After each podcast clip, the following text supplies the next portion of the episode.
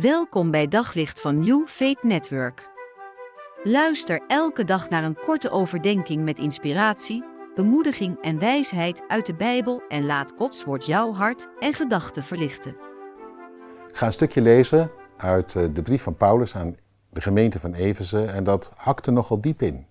Dat zet ons uh, eigenlijk neer op een manier waarvan je denkt, nou nou, en toch, het was gewoon de waarheid, de werkelijkheid van toen in Everse.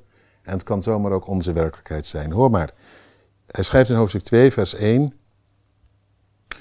U was dood. Door de overtredingen en de zonde. Dat betekent eigenlijk kort gezegd, je was overal voorin, behalve voor God. Dat is dood in de Bijbel. overtredingen en zonden waarin u voorheen gewandeld hebt, overeenkomstig het tijdperk van deze wereld, overeenkomstig de wil van de aanvoerder van de macht in de lucht. Paulus houdt er dus rekening mee, er zijn allerlei krachten, stemmen en geluiden die het zomaar voor het zeggen krijgen in jouw leven. Je denkt vrij te zijn, maar intussen word je te grazen genomen en ben je helemaal niet zo vrij als je denkt. En het leidt ertoe dat je een kind wordt van ongehoorzaamheid. Dat betekent gewoon voor God en voor het goede van Hem geen oor, maar je alleen maar laten leiden door die andere geluiden. En Paulus die zegt niet, ja, nou ja, dat was iets alleen bij jullie. Hij zegt, wij allen, wij allen hadden de neiging om ons daaraan over te geven.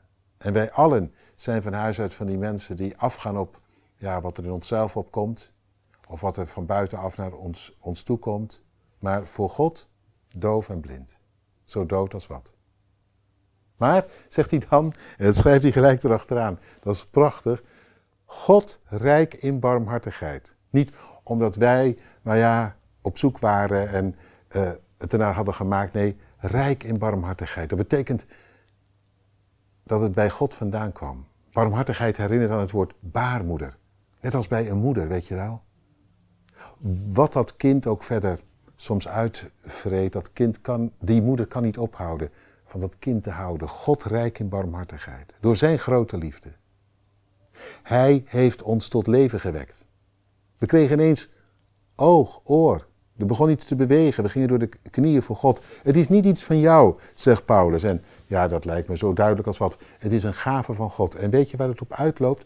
Op een omgekeerde wereld. Dat is zo mooi. Je wordt van geloven niet minder. Je wordt van geloven echt een andere mens, een mooie mens. Hoor maar, jullie zijn, met dat God je vergeven heeft, een nieuwe schepping van God.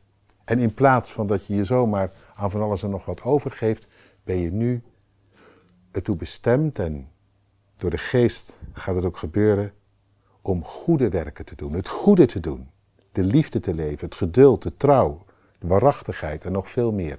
Nou, dat lijkt mij een mooier mens dan daarvoor. Op zoek naar nog meer geloof, hoop en liefde. Op New Faith Network vind je honderden christelijke films, series en programma's. Nog geen lid? Probeer het 14 dagen gratis op newfaithnetwork.nl.